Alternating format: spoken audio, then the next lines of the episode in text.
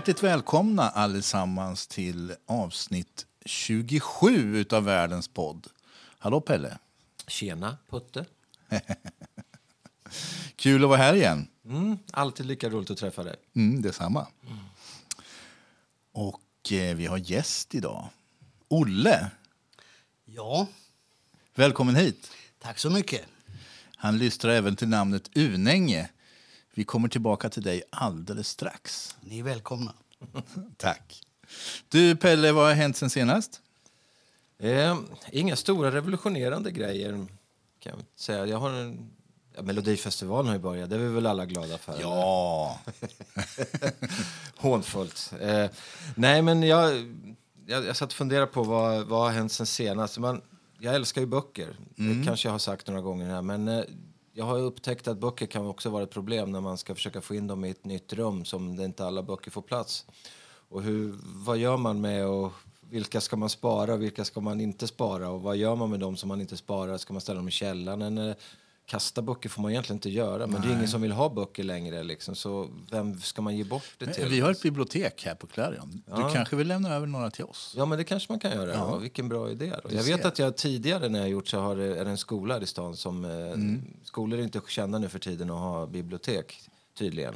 Är det inte så? Nej, det verkar inte så. I alla fall inte vissa friskolor. Men Mm. eh, jag, vet, jag vet inte. Men i alla fall, den skolan har varit och fått lite böcker från mig så att Mm. så de har i alla fall kunnat byggt upp en liten, en liten eh, avdelning i Du ser, hörn. du har gjort en, en insats för kulturen. Ja, men precis. för ungdomen. Ja, men det är ju det. Men Den jag- ju på för Nej, för ungdomen ska jag nog inte säga att man har gjort någon insats för egentligen. Men, men man kan ju hoppas att de börjar läsa, men det är väl att hoppas kanske för mycket. Ja. Några stycken kanske kan Ja, göra det. det är Jag bra. brukar ju faktiskt eh, pro propagera för det. Det är bra. Så det, det går ju sådär. Mm. Ja, nej, jag ska bara nämna, som, som senast, det har ju varit eh, motorhelg för oss som är intresserade. Det har ju varit premiär för Formel 1-säsongen och det har ju även varit Indy, premiär för Indycar och det gick bra för mina idoler. Både för Fernando, eh, för, eh, Fernando eh, Alonso från Spanien och från vår egen Marcus Eriksson från, från Kumla. Han vann ju sitt premiärlopp här, så det var lite kul. Jag såg det. Eller jag såg inte det. Jag såg bara nyheterna om att han gjorde det. Och det var Mm. väl häftigt att kunna följa upp då någon sorts succé förra året till Absolut. att börja det här året med en kanon, kanonvinst. Mm, jättekul. Ja, åter till Olle. Olle Unänge.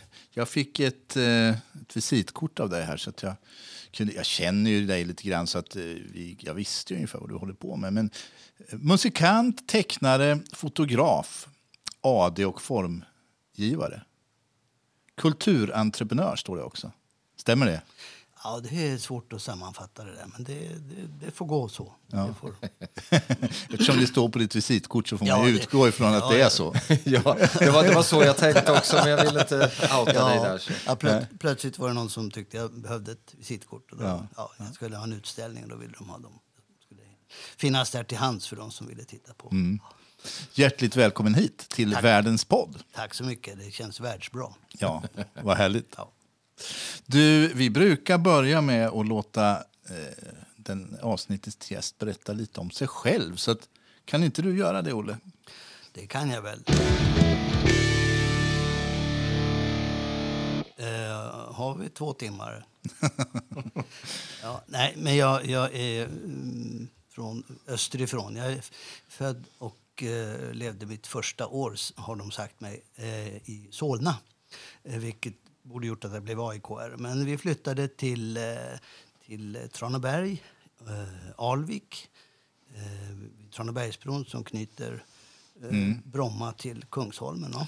Stockholm, för, för de som Stockholm. inte har gissat det vid det här laget. Ja, Solna ligger ja. Ja, okej, ja. Stockholm. Ja. Eh, och eh, jag växte upp där med min mamma Märta. Mina föräldrar skilde sig när jag var sex år. Så att eh, morsan och jag blev ju jättekompisar. Eh, och eh, det f- Sulitjelmavägen hette det där jag bodde. Och eh, det var nedanför oss så fanns det något som hette, vi kallar för Myrdalingarna. Och jag fattade inte då, det var bara något farligt. Som, jag sprang ju aldrig ut med några eh, lansar och sånt i skogen och jagade någon. Utan jag, jag drog ju mig tillbaka. Eh, men eh, de slogs, mina kompisar, några av dem, mot eh, Myrdalingarna. efteråt har jag förstått att det var Gunnar och Alva Myrdal det handlade om. och, ja, och de såg till, vilket ju var väldigt bra, att eh, familjer med många barn fick stora lägenheter till ett bra pris. Aha. Och det låg nedanför kullen där jag bodde då. Det var ett område som kallades så? Jag bodde alltså. på Öfre, Alvik. Ja, ja. På grund av att de hade gjort den här insatsen då? Ja, då byggde de de här husen där nere. Ja, och då var det ju... ja, det var, ja. Men eh, sen så i, i Alvik, Traneberg, så upptäckte jag ju snabbt att eh, Lasse Björns åkeri låg nedanför på vägen ner mot eh, skolan. Typ. Och sen så, så upptäckte jag också tidigt att... Eh, för jag, jag började tidigt med, med fotboll, basket, eh, pingis, eh, långdistanslöpning tidigt. Dan Wern och såna där var, var hjältar. Men, men eh, sen bodde bröderna Tvilling och eh, Många original här. Challe Mild, för er som vet vad det är för några. Men alltså det som var intressant var att alla var djurgårdare. Och, och eh, de dök upp, deras barn och så här i Vivian Tvilling dök upp i, på Alviksskolan där jag gick.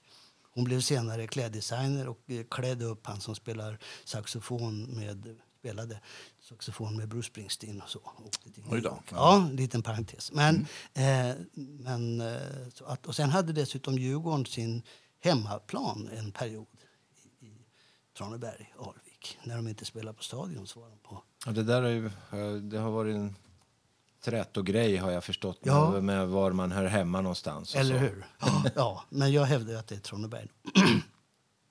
ja, och sen så kom det väl in eh, lite musik och tjejer tidigt i livet. Och den kombinationen gjo- gjorde att man började skriva låtar på svenska. Det låter som en eh, omotståndlig kombination. Och då går det ju åt helsike med, med idrotten förstås. Det brukar Då göra blev det. det, ja, den, den kom väl lite sidan om då. Eh, så att, eh, ja, men det, det, det gick bra. Alla överlevde, som jag brukar säga. Eh, och eh, i Traneberg så, så träffade jag min eh, för broder Abris. Och han och jag började sjunga och spela ihop. Och eh, så vi hamnade i alla möjliga olika konstellationer och sammanhang. Men det, det kan vi ta sen. Men sen så sen flyttade jag till, eh, jag och min, eh, mina barns mor till eh, Ringvägen 8 på Södermalm. Och sen ett antal år senare så hörde jag eh, Ulf Lundell som berättade, han skrev i en låt, sjöng i en låt till och med, att eh, han eh, checkade ut från lägenheten, bostadsrätten på Södermalm och köpte ett ställe i Österlen. Och det var stället bodde vi på, Ringvägen 8 i Stockholm. Ja, det var där han bodde. Det var där han ja, bodde. Ja, ja. Ja. Det, han, har ju, han har ju pratat en del om det huset, att han gick förbi där Precis. ibland. Och Ja, vid hade väl inte bara bra minnen därifrån. jag. Zinkensdamm. Ja. Ja, jag hade bara bra. Ja, du hade Ja, det. Men inte han. Nej. Men han kanske har högre krav. Jag ja.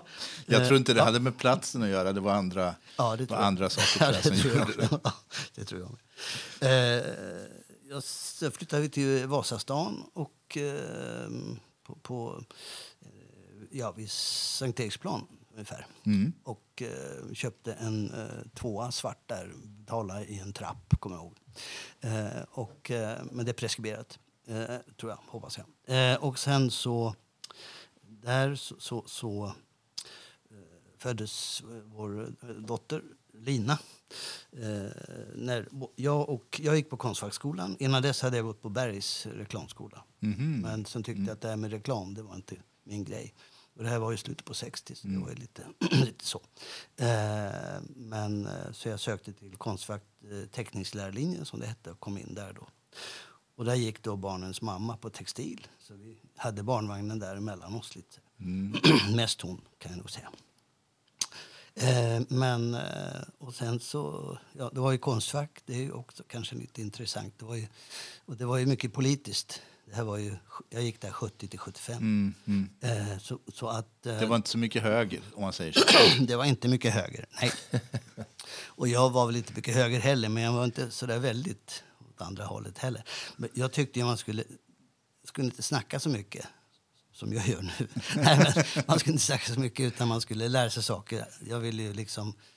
eh, Ja, jag var extra nere i fotolabbet och jag var extra tid nere på, i grafiken och, och gjorde blanda syror och, och höll på med sånt. Eh, och, eh, så jag tog kvällskurser ute på stan för att lära mig sånt som jag tyckte jag missade på Konstfack. Det är faktiskt Du menar att du missade saker på Konstfack för att det var så politiskt? Så att, man, så att de fokuserar på andra saker än, eh, än konsten? Liksom. Exakt, Ja, okej. precis. Ja.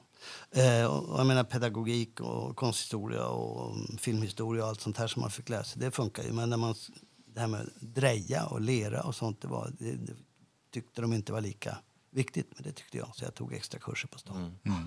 Eh, och teckna också, gjorde mycket där. Eh, ja, sen var vi tre familjer som tyckte att vi eh, trivdes så bra i Stockholm. Vi hängde varenda helg och hade barn i ungefär samma storlek.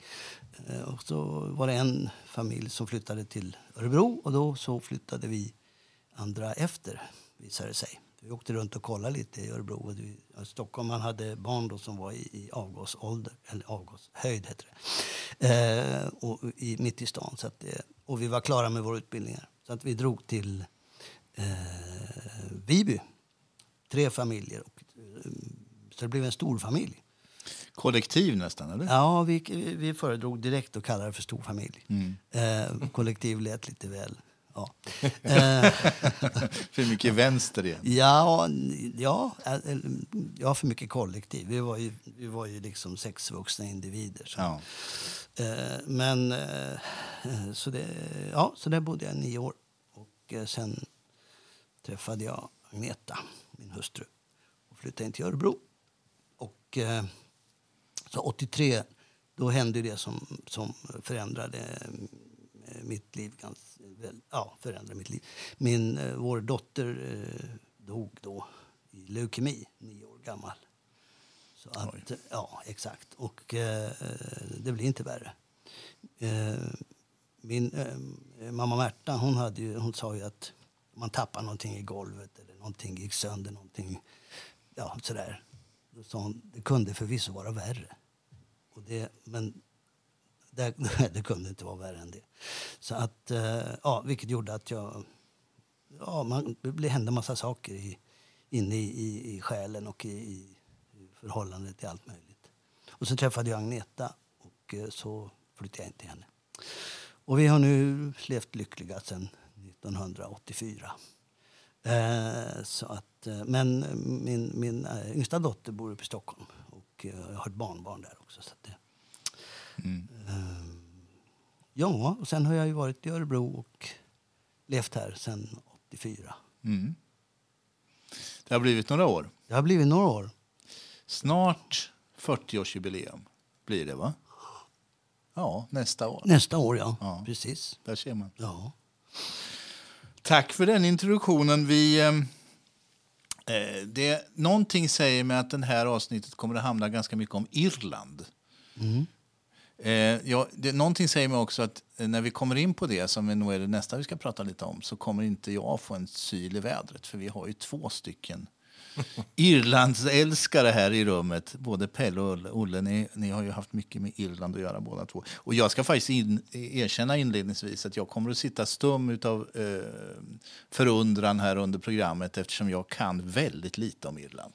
Jag har faktiskt aldrig varit där, vilket ni, ni har varit en massa gånger. Och det enda jag liksom vet egentligen om Irland det är väl att jag har två stycken musikaliska hjältar därifrån. Den ena är Rory Gallagher och den andra är förstås eh, Thin Lizzy. Ja, eh, och Phil förstås. Ja. Eh, Linnot. Som, eh, eh, jag gillar irländsk whisky. Eh, eh, bland annat Tullamore Dew som vi väl återkommer till lite Ja. grann om en liten stund. Yes. Men i övrigt så kan jag väldigt lite om, om landet. Jag, jag minns en sån här grej jag minns som, som, från förr. Det var, minns ni Fawlty Towers? Ja. Den här Svårt serien. att inte göra. Nej, det fanns ju, det fanns ju en, en, en, en, en eh, stereotyp av en irländare där. Eh, O'Reilly, kommer ni ihåg O'Reilly? Ja, Han byggaren som, som Sibyl och alltid var så arg på. Och sen, men sen vet jag också, det har jag faktiskt kunnat läsa mig till på senare år, att irländarna har väl fått en väldig revansch på sina stora bröder på, på grannön där. De, det har ju gått otroligt bra ekonomiskt för Irland. De har väl kört om eh, Storbritannien eh, med, eh, med råge tror jag va? Har haft en enorm ekonomisk utveckling har jag förstått det som. Jag vet faktiskt inte nu på slutet. Vet, det, Irland har ju gått både upp och ner. Liksom. Mm. Det var ju Celtic Tiger som uh, klättrade som fasiken. Mm. Men sen så ju, sprang de ju rätt in i en vägg och, och, och förlorade allting egentligen och hamnade i en enorm ekonomisk kris.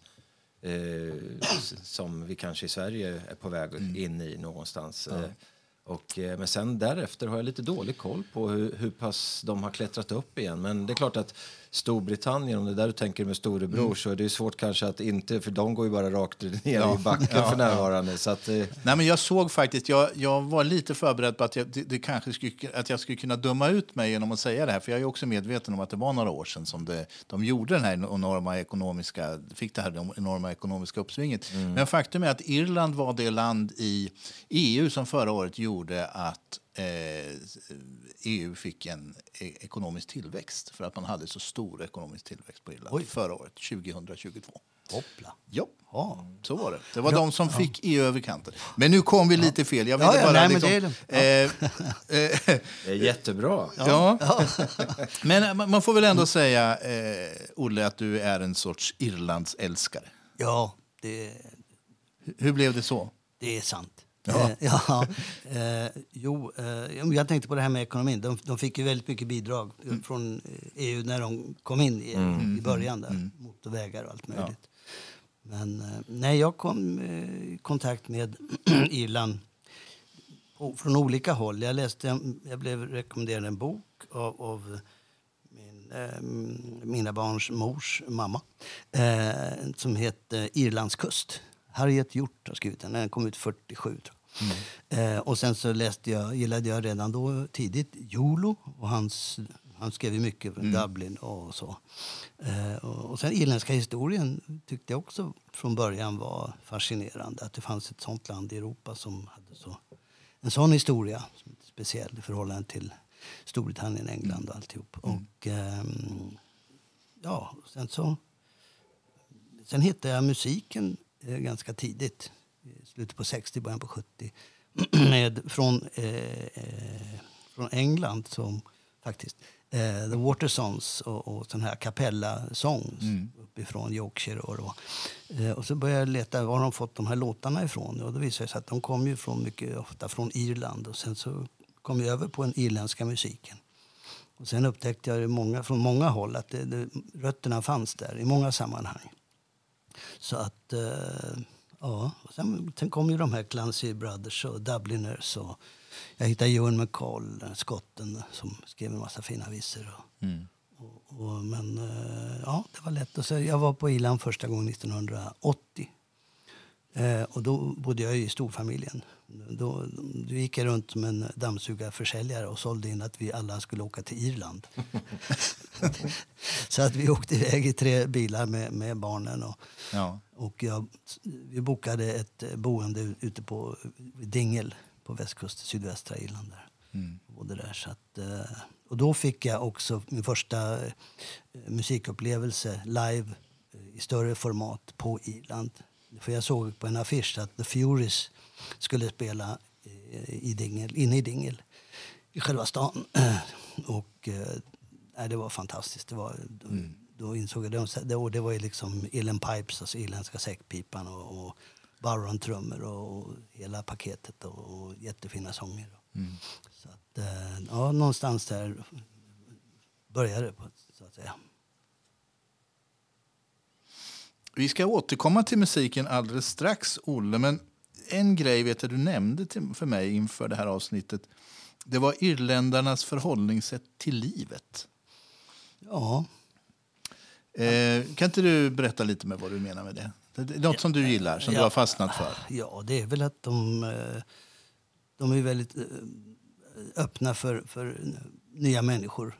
Eh, kanske beroende på sin historia. Mycket att de har fått buga sig och bocka och så inför överheten. Så när, de, när de blev fria så tror jag att de, de var väldigt mottagliga för att eh, ta emot eh, folk utifrån som kom och var vänliga och de var vänliga. Och ja, någon sorts... Eh, ja, det kanske är en myt, men jag tror inte det. min, min eh, erfarenhet av irländare är att de är väldigt öppna och tillgängliga. Och, och är man på en pub så, så hello, hello, how are you doing? Och så börjar de fråga och prata. Och, Ja. Påfallande gästfria. Gästfria är bra. Ja, men jag, jag, kan ju, jag håller med där. Och det, det som jag har eh, ofta uppfattat, i alla fall tidigare, när, de t- första gångerna jag var där, första två, tre gångerna, var ju liksom att hamnar man på en irländsk så det, är liksom, det kan stå där en, eh, en eh, ja, vad ska jag säga, en framgångsrik affärsman i, uppklädd i, i en svindyr kostym och så sitter en halv halvhemlös, håller jag på att säga, men som i alla fall ser ut som det. Och de sitter och pratar, liksom. det är inga konstigheter. Det finns, jag, jag vet inte om det stämmer heller 100%, men jag läste någonstans i en text att Irland aldrig haft någon riktig adel. Det är britter som har varit adel, eller Ja. som har varit överklassen. Ja, och, eh, och därför så finns inte den där typen av, eller fanns inte den typen av liksom spänningar mellan fattig och rik på det sättet. Utan det finns ju såna här eh, som jag aldrig kommer ihåg vad det heter, men det finns ett uttryck på, eh, som de säger på Irland där, där det handlar om att man hjälper varandra för att de har, alla har varit i nöd i princip. Ja, om man, om man liksom generaliserar lite grann. Så att det handlar om att hjälpa varandra. Att hamnar man någonstans, då hjälper man varandra. Och det där har liksom samman, Mm. fört samman på något sätt. Sen är det väl så med alla länder att liksom, till viss del är det ju är det, liksom, det går ju inte rätt igenom som en hundraprocentig röd linje. Liksom, eller, Nej, liksom. nej, nej. Men det är en fantastisk stämning. Och det, det visar sig ju att de är en så stor turistnation som, Ja. som de är. Faktiskt. Så. Jag kommer att tänka på en, en eh, när jag var där 90, eh, 96. Eh, så hi- hittade jag eh, och hustrun eh, en, eh, en liten pub i Ennistimon. Där jag hoppade av bussen och hälsade på puben när jag var där en resa, Pelle och jag. Eh, mm, och ehm, Willie, Willie Daly hette han. Och eh, herr och fru Daly hade puben som var, det var stampat jordgolv och eh, minimalt utrymme. Och så hade de en bra fisk och skaldjursrestaurang och bed and breakfast. Vi bodde över där. Eh, och sen när vi skulle, när vi skulle lämna, det hände mycket där, men när vi skulle lämna eh, stället så, så sa jag till fru Daly då, eh, I'll be back, sa jag. Och då blev hon inte, ja, nästan svart i ansiktet och sa Don't say so. President Kennedy said so. He didn't come back. Då hade han varit där alltså? Ja, precis. Men sen blev han ju skjuten. Så, och då kände jag bara, oh no.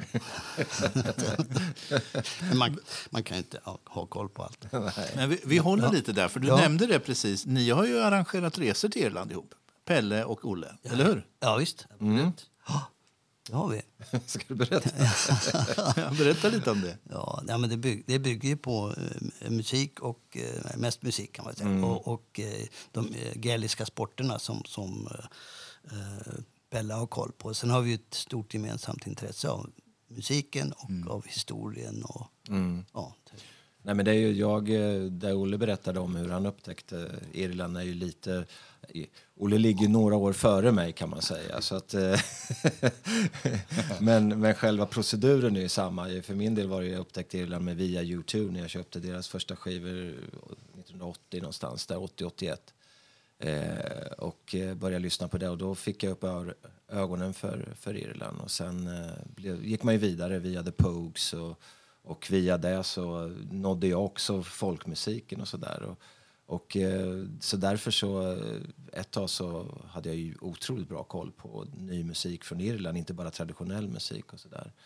Eh, Så det är ju någonting som förenar oss till den här resan som är en mu- musikalisk resa till pubbar och, och utav Olles kontakter som vi får tillgång till, till eh, information och personer som är ganska unikt. Då. Men sen är det jag då som har fastnat för den irländska sporten hurling och det har jag pratat tidigare och tidigt i, när vi startade den här podden så pratade jag om det och det är ju en helt eh, makalös sport liksom som en blandning av allt möjligt. Allt ifrån krigsföring till hockey, fotboll, bandy och vad det nu är för någonting. Så att, den tycker jag är jättecool men det är svårt att se den ifrån Sverige liksom. Man måste eh, ha speci- ja, någon typ av abonnemang för att kunna se det. Det har inte jag riktigt lagt pengarna på som det är, men det är en jättehäftig sport. Alltså där är ju, har vi också en del i på den här resan, att man får se hur man tillverkar deras hurlingklubbor då som de använder som en sorts bandyklubbor. Liksom. Eh, Hur många resor har ni gjort? Tre, tre, tre, fyra. fyra, jag är lite osäker Ja, också. tre, men- fyra. Ja, precis. Sen kom det ju det här som Ja, Mm. tog, det några, som vi alla vet. som Ja. tog några år. Ja. Ja, och vi hade ju fler resor inbokade men tyvärr har ju det där, ja som sagt, pandemin Ja. tog det. Mm. Vi pratade musik förut. Det kommer att bli mycket musik i det här avsnittet. Och ni, som ni sa, ni har ju, den, ni har ju någon, någon form av irländsk koppling ni två även i musiken. Även om det var mer kanske folkmusik för dig, eller har varit folkmusik för dig, Olle. Och så, vad kan man kalla det för dig? Folkpunk, kan man säga det, Pelle? Ja, folkrock. Ja, celt, alltså folkrock, folkpunk, celtic punk. Alltså det är lite olika. Vad det, det finns ju en amerikansk eh, med, eh, ådra i det där också som är lite hårdare. eh, Som jag också går igång på. Som Olle tror jag är mer tveksam till, har jag förstått. Ja.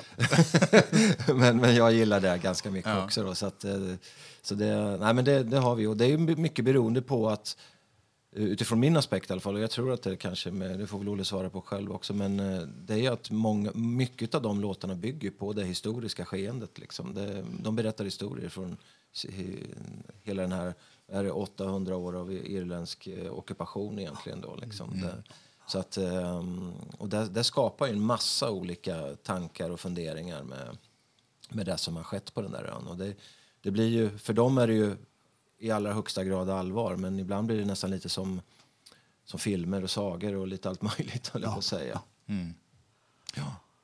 Men eh, du har ju ett eget band också, Olle. Det är ju för irländsk folkmusik och ni har ju Absolut. hållit på några år. ja, vi har hållit på sedan 88. Så att det är 35 år i år. Kan du inte berätta lite? Det kan jag göra. Eh, det började 88 när jag och Eh, min eh, kollega på A-byrån, som reklambyrån hette då, eh, i Örebro. Eh, vi blev eh, ombedda på en personalfest. Att, eh, de sa, ni, ni som spelar gitarr, kan, kan inte ni spela och sjunga något när vi har fest? Det är klassiskt. Så vi tittade på varandra och så, ja, funderade på... Det var, han hette då Tommy Helmersson, hette han då. Nu heter han Tommy Bender. Så att eh, vi eh, satt där i en soffa och tittade på varandra. Och han hade spelat jazz och rock. Och jag hade spelat eh, folkmusik, irländsk, eh, eller i alla fall var jag intresserad av. Och Jora har spelat också. Och eh, Simon Walk, Garfunkel, eh, Crosby, Stills, Nash och sånt. Och sen så, så vi hittade varandra någonstans i, i eh, Paul Simons, eh, ja vad heter den nu då? Still Crazy after all these years tror jag. Där, där, och sen så började vi leta hitta lite låtar och så vidare.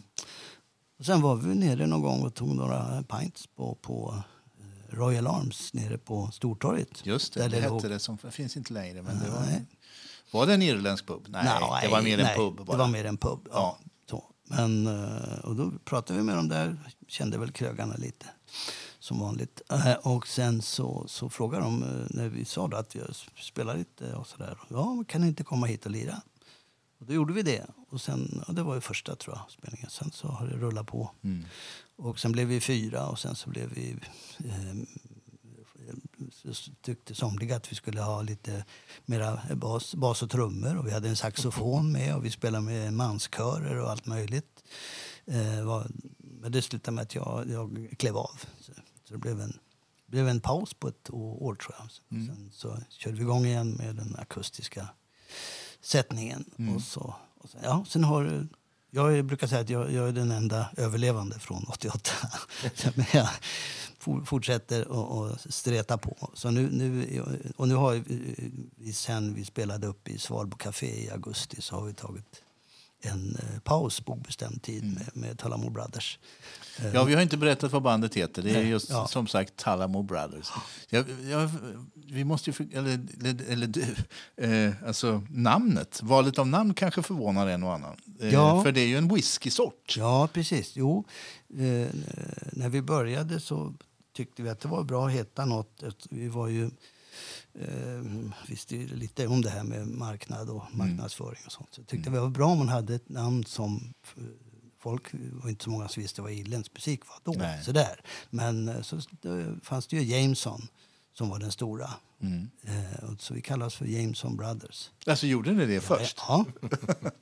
eh, och sen så var jag och hustrun till eh, London och där fanns det ett eh, mer eller mindre varuhus för whisky på Queensway i Bayswater. Eh, och dit ville jag gå. Hon hängde på också. Och så hittade jag en, eh, ja, en keg, alltså eh, heter det, med, med kork i. Hållare. Ett krus? Ett krus, tack. Eh, jättesnyggt med två eh, irländska varghundar. Pelle? Mm. Ja, jag har haft en sån för, i- för Olle pekar på mig nu. Och, En varghund, alltså. En Inte, varghund. ett, inte ett krus. inte ett krus, en Nej. varghund. två varghundar.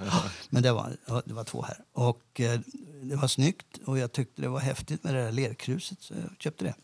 Och det var irländskt förstås, det var ju nummer ett. Och så, när jag, jag kommer ihåg när jag skulle betala det, så, very good choice sir. Jag tänkte, ja, det säger du till alla. Men i alla fall. Sen eh, när jag kom hem så tyckte jag då att den här var ju mycket, förutom att det var ett, ett namn som, som härledde till en stad, en plats och en whisky. Och eh, Jew, det, det, var, det är ju då namnet på han som skapade. Men Jew är ju också Dag och det kan vara eh, hembränt i vissa fall. Så att det fanns mycket som talar för att man skulle kunna eh, använda sig av det namnet istället. Och så visade det sig att alla, alla, då var vi tre. Eh, då, då tyckte alla att den var ju faktiskt godare.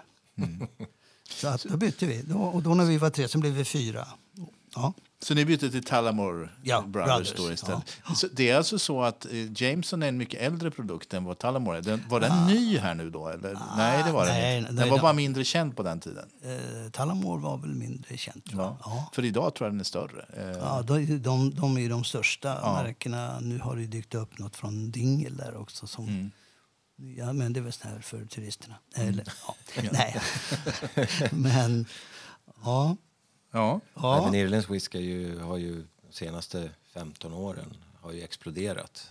Ifrån att ha varit bara Jameson eller Jameson, det är vissa som Jameson, säger. ja, men som det stämmer. Så Det att, Heter det nog egentligen. ja. Eh, och Tullamore är ju det som har varit mest känt i Sverige. Men nu finns det hur mycket irländsk whisky som helst. Alltså det finns många nya destillerier som har öppnat. Eh, Ja, Du hade någon favorit va? Gamla som eh, startar om också. Eh, Kilbeggan, ja, har, har jag besökt och Ja. eh, det ligger inte så långt från Tullamore. Nej, tror jag. Kilbeggan. Nej. Så, så det, det, det är irländsk whisky är intressant. Jag har ett gäng hemma. Ja, ja.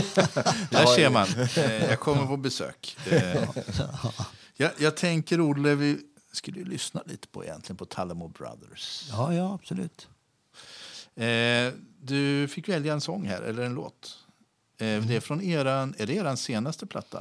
Den, är, den fyller tio år i år. Den fyller tio år i år. Ja, det, vad är det den heter? Den heter Still... Den första hette... Det har jag gjort tre. Den första hette As usual. Den andra hette Unusual. Och den här heter Still going wrong. Jag minns att den fick väldigt bra kritik när den kom. Ja, det, vi, vi hade tur. Här kommer en låt från den som heter Beggar Song.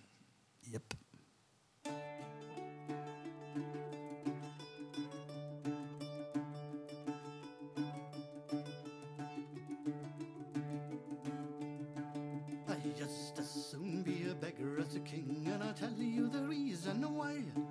A king can swagger a drink like a beggar, or be half as happy as I. I've a sixpence in me pocket, and I worked hard for that. Landlord, here it is. There's never any yerk's gonna make me work, while the begging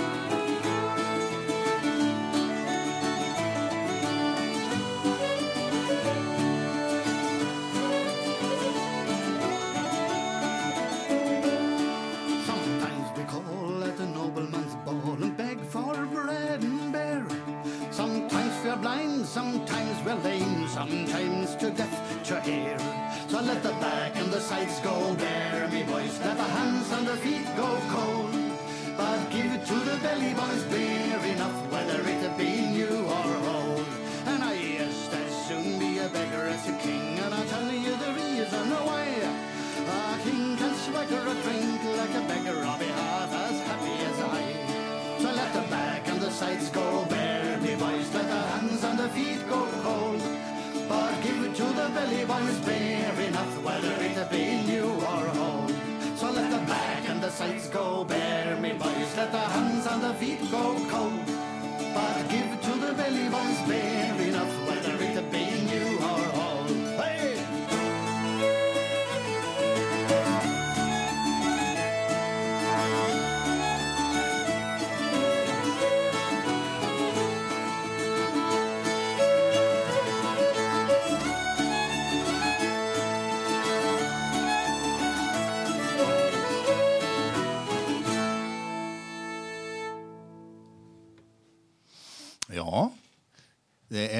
svängigt. Mm. Absolut. Ja, duktiga. Bra, bra, bra version. Mycket, mycket bra. Tack. Men eh, ja, det är lite kul med människor som gör egen musik. Eh, och du, du är inte bara med i Talamo Brothers, du, har ju, du gör ju lite helt, helt eget också. Solo, va? Absolut. Absolut. Ja, Eller vad man ska kalla det för. Men det är under namnet Olle Unäng, eller hur? ja, det är det. Absolut. Det kan jag Det kan du bekräfta. er, erkänna. Bekräfta, precis. eh, jo, det har, det jag har gjort två, två album. Mm. Eh, och det, var, de var, det är CD och Ja. Spotify. Du ger inte ut på vinyl. Nej. Det är ju väldigt populärt nu. Det, Ja, det kanske blir nästa. Det är kanske på vinyl. Eh, nej, det tror jag inte. Stenkaka. Ja, Stenkaka, ja det, det kan. Ja, men kassett var jag inne på. Ja. Ja, så skickar man med en blyertspenna som om det fastnar bandet så kan man snurra. Ja. Det som är väldigt populärt nu också, nu kommer jag lite grann från ämnet här, men det är sådana här rullband också. Rullbandspelare. Ja, det. det är fruktansvärt dyrt att hitta köpa såna här gamla originalband till rullbandspelare.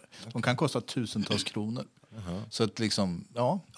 Ja. Det blir nog snart lite samma sak med kompaktkassetter tror jag. Ja, men absolut. Det är på gång. Det finns ju... Ja. Ja. absolut. Ja. Jo, men det kommer jag ihåg när, hemma i Traneberg när eh, Abris och jag spelade in det vi sjöng och spelade. Då hade han en eh, Tandberg bandspelare det var det med två stora såna här som man kunde... Revox och Tandberg tror jag. Ja, precis. Ja. Men, men Ja. alltså din egen musik, vad, Ja. vad, vad gör du, eller vad, vad är det?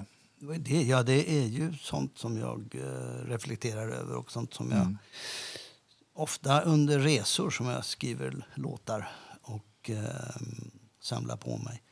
Eh, Och, eh, den, så den första den kom 2014 och det var i, min eh, mor, mamma Märta, eh, somnade in det året där och då i samband med det där så var det mycket som snurrade.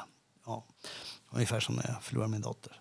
Så, så att ehm, då, då bestämde jag mig för att nej, men nu, nu jobbar jag, fixar jag till en platta här på något vis. Ja, då hade jag nio sånger som jag kände att jag kunde stå för. Och sen började jag fråga runt och eh, fick med mig jag hade ju tänkt att det här gör jag i litet format. För jag har alltid tyckt om akustisk musik och sådär. Men det slutade med att vi var ju tio stycken som spelade in den här.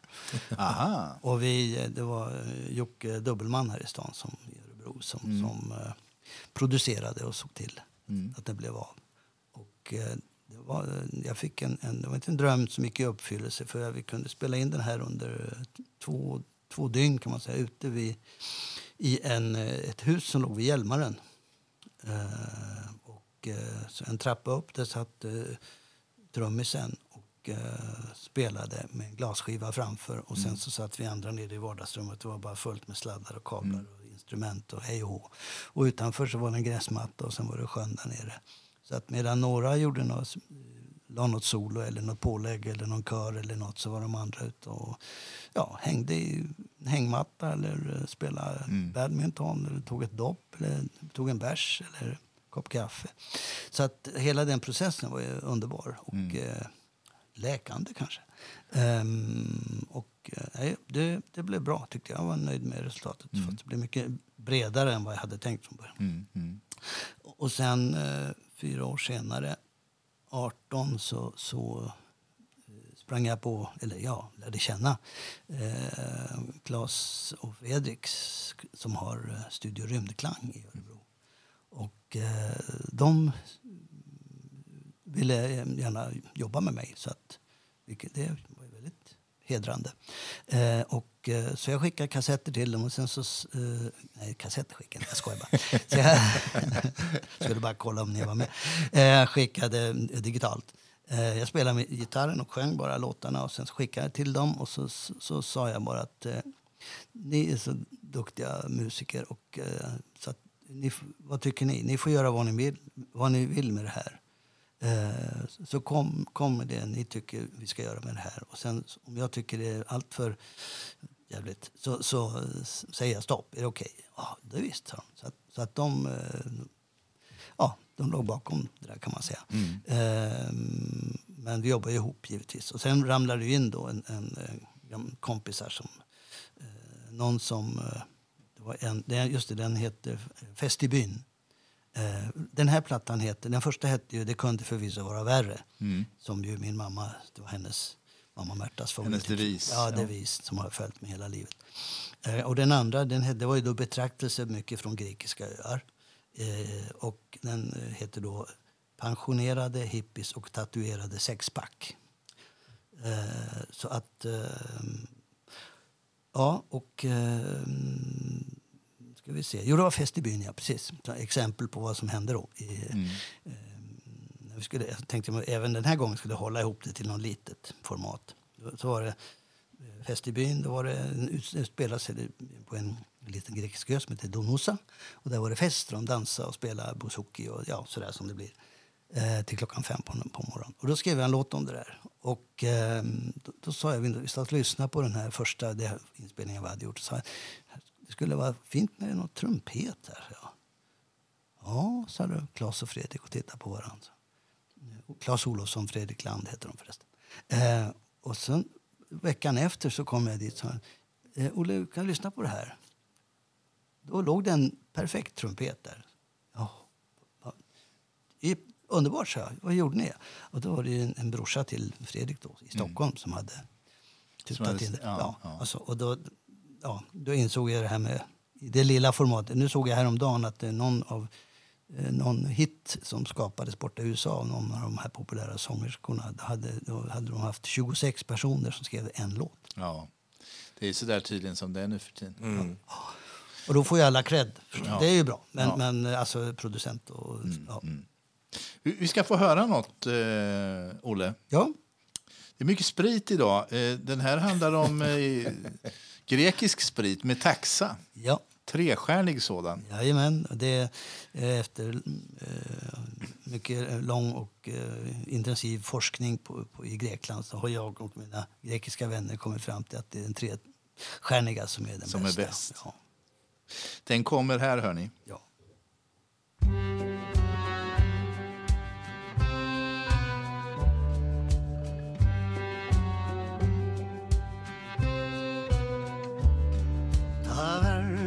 Har stängt, turister har åkt. Vinden friskar i. Och molnen ligger lågt. Snart tar dagen slut och man går till sin bar och tar osto eller med taxa i en liten grekisk bar. Fiskaren går längs stranden med grått skägg och hår med makrill tatuerad på sitt ena lår. En kvinna svävar mot honom rätt in i hans famn. Som skepp i natten finner de en hamn. Och de tar tre stjärnor med taxa i en liten grekisk bar. Tre stjärnor växa i en liten grekisk bar. I en liten grekisk bar. Och tre stjärnor på himlen och tre i ett glas. Blir det sol imorgon, we wish upon a star. Men det är havet som styr och stjärnorna därtill. I natt är vågorna still. Vi tar tre stjärnor med taxa i en liten grekisk bar. Tre stjärnor med taxa i en liten grekisk bar. I en liten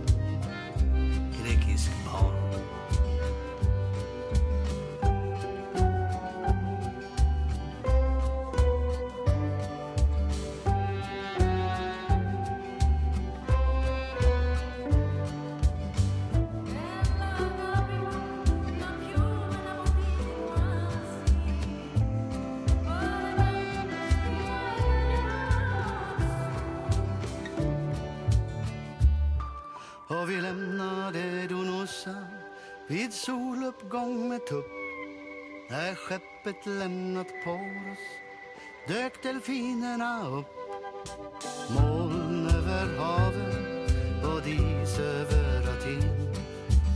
Snart far vi till Hydra och tid. Den blir sen. Så vi tar tre stjärnor med taxa i Pireus hamn. En trestjärnig med taxa famn. Kom och vila i min famn.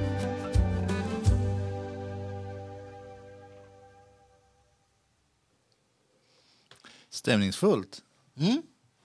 Tycker det var fint med dragspelet som kom in där på slutet. Ja, just det. Det är eh, min gamle vän Tom som spelar är en här jazzgubbe. Mm. Eh, han påstår att han spelar inte dragspel, han spelar skithus. Jaså, och vad betyder detta? Ja, det är dragspel. Jaså, ja, ja. Det är någon sån här det jazz- kände inte jag jag till. vet Nej, det är, de har mycket sådana Ja, saker har- för sig. precis. Ja. Men du var en uh, gaisare på, på ön. Vadå då? Ja, en makrill på... tatuerad på låret. Det, är- kanske, det kanske var så det var. Ja, ja, just det. Visst. Jag, får kolla nä- jag- jag ska kolla nästa gång. Ja, jag fick du till det. Ja. Ja, bra. Spaning. Eh, vi går vidare i, eh, i musikområdet här. Eh, St. Patrick's Day är ju en annan sån här eh, sak som Irland är känt för. Och, in, och det firas ju stort, storstilat på Irland men också över hela världen. Jajamän. Finns- Vad är grejen med St. Patrick's Day? Varför har det blivit så stort? Eh, alltså, ärligt talat så är det ju så. Jag vet, alltså, nu, nu var det ett tag sedan jag, jag läste på om det här för några år sedan. Men nu har det för, försvunnit mycket av det. Men i och med att Ola jobbar med marknadsföring en gång så kan man ju säga att det är en av de bästa marknadsföringskampanjerna i världen kan man säga att eh, St. Patrick's Day är. För Irland alltså? Ja, för, ja men för Irland. Men det, är- det är ju så faktiskt att St. Patrick's Day var ju inte speciellt stort under en väldigt, väldigt lång tid i historien. Men någonstans, jag tror det var på 80-talet någonstans som, som eh, man bestämde sig för att göra någon, någon typ av stor grej för Ja, Irland. det var alltså en, det var en riktad eh, kampanj kan Ja, man det, säga. det, ja, men det var ett genomarbetat arbete. Mm. Om det var Irlands, och Irland som land som stod bakom det eller om det var eh, irländare i USA som drog Ja. igång det. Jag är lite osäker, men jag tror Ja, att det var irländare i ja. USA. Och Det var där- mycket, mycket Boston och eh, New York Ja. och så. Så där drogs ju alltihopa igång. Och sen dess har det blivit, för man kan ju Mm. Ja, för det är faktiskt... mycket USA va? Det är mycket USA, Mm. absolut. Och det, den här uh, NYP, NYPD Choir, Ja, precis. De, New York Police Departments Ja. Choir. Det är ju den här Fairytale of New York. Mm, And the NYPD choirs were singing Galway Bay. mm, Eh, så de de är, finns ju där i polisen och Mm. brandkåren och, och även i Boston. Och, ja, irländarna hade ju, alltså om går man tillbaka så var det ju så liksom att irländarna tog hand om poliskåren och allt, hela den där biten. Och det har inte alltid varit världens mest eh, Seriösa. seriösa icke-korrupta eh, bastioner. Men nej, det har varit liksom, eh, ja. Men, men som, sagt, eh, jag vet för jag skulle ha någon föreläsning någon gång och det var då jag läste, läste på om det där och då visade det sig att det har ju varit, alltså, det har ju varit parader under, jag menar, ända, kan det vara 1800-tal eller ännu längre tillbaka? Jag är, Ja, det lite det osäker. vara. Ja. Men, det har, men det har inte varit de här världsomspännande grejerna eller, eller på det sättet. Men, men eh, ifrån tror jag det var 80-talet, sen dess har det blivit en, en eh, Explosion. jättestor grej och det är ju bara ett enda stort party liksom. Det, är Ja, ja. det är ett, ett tillfälle att partaja. Ja, precis. Det är väl det som är framgångskonceptet kanske. Skulle tro det. Och Nu är det Olle som ska prata, men nu börjar jag prata Ja, mer. det- Så förlåt Olle, nej, prata nej, nej, nej, nej, nej, nej, men det är... We're all in it for the green. Eh, men, nej, men jag kommer att tänka på... Vi, vi hade ju, min bästa upplevelse för, med, med St. Patrick's Day det var när, när Tullamore Brothers eh, 1997 var på en turné på Irland. Och vi gjorde nio spelningar på fem dagar. Det var en, en kamrat som hette John Hayes som eh, fixade det här och jag hjälpte till också. Mm. Bor i Örebro. Ja, då, bor i Kumla nu. Men. Mm. och, eh, så vi, vi spelade i, förstås i Tullamore och i eh, Galway. Eh, två spelningar och en i eh, Dublin. Och eh, det var helt sanslöst. Eh, och eh, det är mina bästa minnen. Och vi hade ju med oss, vi, vi hade en buss då, orkestern. Mm. Och sen hyrde vi, eller fick låna, eller så. Eh, Stället hade en ljudanläggning, PA, på plats. Så att vi hade instrumenten och, och oss själva i bussen. Och sen hade vi en, den fanklubben med oss. Så tre, tre bilar, med, små bilar med kom, kamrater som tyckte Tallamore var bra. Och Ja. släktingar och vänner och allt vad det var. Så att, och de, de stod ju då i publiken och vi stod ju på scen. Så de tog ju in vad folk sa. Så där. Då var det en, en, liten, en liten tant med rullator som, som stod och lyssnade på oss. Och så när vi hade spelat klart sa han They're even better than the Dubliners. Ja, det är kul. Det är riktig praise. Ja, ja. Jo, och det, det måste jag också ta upp då. När vi, när vi började, jag hade ju varit på Irland, jag var den enda som hade varit, förutom John då, som hade varit på Irland förut. Han är ju från Irland. Men, eh, och jag tyckte vi började här i en liten by på västkusten. Eh, Vi, vi tar inget hotell i Tullamore utan vi börjar ute på, i Ennistimon hos eh, Willie Daly och hans familj och den här lilla puben. Och de hade bed and breakfast då också. Det här var ju 97 då ja. Eh, och där eh, sa jag det att om då får vi vara i kan vi liksom vara i fred och bara hänga lite och snacka ihop oss lite och sådär. Spela på rummet kanske. Eller något. Så, ja, så hoppar vi ur bussen och då hör man någon som ropar ner från vägen. The band is here. och sen kom ju alla ner till Davis, eh, Dailys eh, pub. Eh, och eh, den heter Dailys Matchmakers Shack för övrigt. Eh, för han var matchmaker och han kunde tala med hästar. Och ehm, så på kvällen då var det ju fullt drag in i hans pub. Då satt ju gubbarna där och så ville de kom, kom nu bandet, nu ska ni spela med oss. Så jag kommer ihåg, jag satt bredvid han var snickare, ja, Carpenter, han satt bredvid mig och lirade gitarr. Och sen på kvällen så, så, så kom det... Då, ja, det var ju som vanligt då att eh, när klockan blev elva så, så, så, så, eh, så drog de ner gardinen och eh, eh, eh ja, eh, drog, de, drog de ner gardinen. Eh, och så kom, eh, på, kom någon frågan då. När, eh, ska, vi, ska vi gå nu? För de som var med oss då, våra svenska kompisar. Eh, kom, polisen kommer väl och kollar, hade, vi, hade de lärt sig då. Mm. Oh no, no, he, he's sitting there. och sen kom det in en, eh, en eh, lite senare, en man i tjocka såna här, vad heter det, bottle, glasögon, tjocka glasögon. Eh, och eh, keps och svart rock och eh, lite dyster så här. Och så bredvid hon- honom så stod det en rödhårig, fräknig eh, ung tjej. Och så, och så allting tystnade, sa de. Oh, the poet is here. Okay, read something for us. Så. Och så läste han en egen dikt. Det visade sig var någon som satt bredvid mig. Han, han, kom, han kom ut från fängelset. Han har suttit inne för han, om, IRA och sånt här. Han, Ja, ja. Ja. Men, och då så, så läste han upp din dikt och sen så sa han uh, and uh, fuck the MI5 and fuck the MI6 and fuck the KGB and fuck the CIA and fuck the rest. Perfekt. Och sen så sa, sa de sing something for us. Mary, hon hette antingen Mary, det hette ju alla där. Och så sjöng hon med klockren röst. Och hon var alltså sån här från resande traveler-folket. då. Så det var starten för bandet i, på Irland. Att fira St. Patrick's Day det har ju också varit en sån återkommande grej som ni har gjort i Örebro. Absolut. Absolut. absolut. Ja. Och nu är det snart dags igen. Ja, precis. På Clarion Hotel. På Clarion Hotel i Örebro Ja. den 18 mars Ja, på lördagen. på lördag. Ja, det brukar ju ta lördagen. Ja, just det. För egentligen är det i fredag. Det är den 17 som är St. Patrick's Ja, Day. precis. Men vi kör lördagen. För vi det... kör lördagen. Ja, Ja. absolut. Jag kan förresten säga, för att bara flika in, jag har faktiskt varit Grand Marshal, heter det ju, i, i Stockholm. Eh, Man går, eh, de har ju alltid en, eh, Ja. en person som går allra längst fram i, det, i själva St. Patrick's-tåget. Och det gjorde jag ett år. Ingen jävel kände igen mig. och Du var målad i grönt. Det, är skönaste, jag, det var så jävla skönt. Jag, jag stod där efteråt när man hade kommit fram till eh, nedanför Gamla stan. Jag vet inte vad det lilla torget heter där nere. Men, men i alla fall. Och, så, och deras eh, ambassadör stod där med en svart hatt och en vacker rock. Och, och så började han prata. Ja, och våran Grand Marshal, den här, du vet, den här store idrottaren. Alla, jag såg hur alla tittade. Han där? Han som står där? Här, vem fan är det? och det var kallt som fan, men det var roligt ändå att gå. Så jag gick först och sen gick det väl...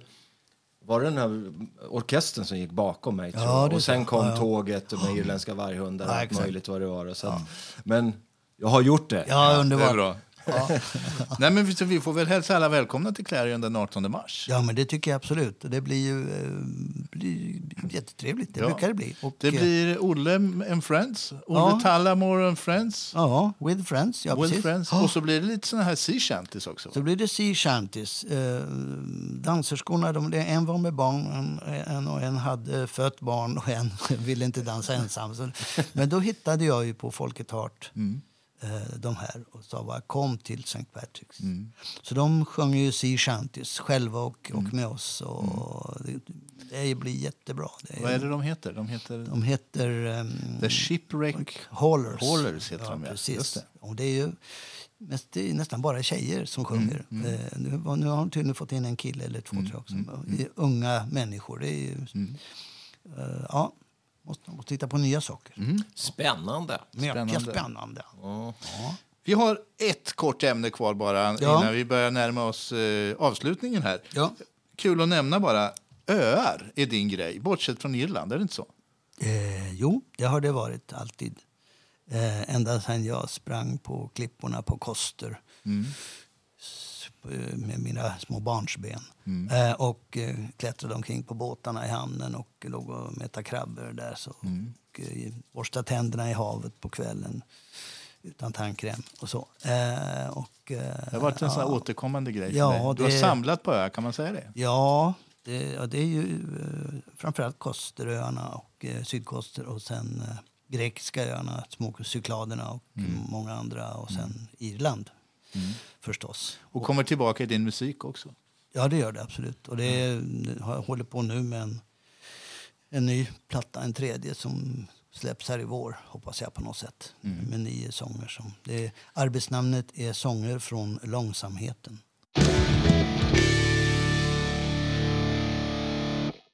Ja, med det mina herrar så börjar vi närma oss avslutningen här. Eh, stort tack för, till dig Olle för att du ville komma och dela med dig. Tack för att jag fick komma. Tycker det blev jättetrevligt och mysigt avsnitt det här. Ja, vad bra. Tycker jag med. Ja, Ja. Och jag är nöjd. Ja, Man pratar, ja. För om man pratar Irland så är man Ja. nöjd. Eller hur? Ja. Ja. ja, då blir det grönt. det är bra.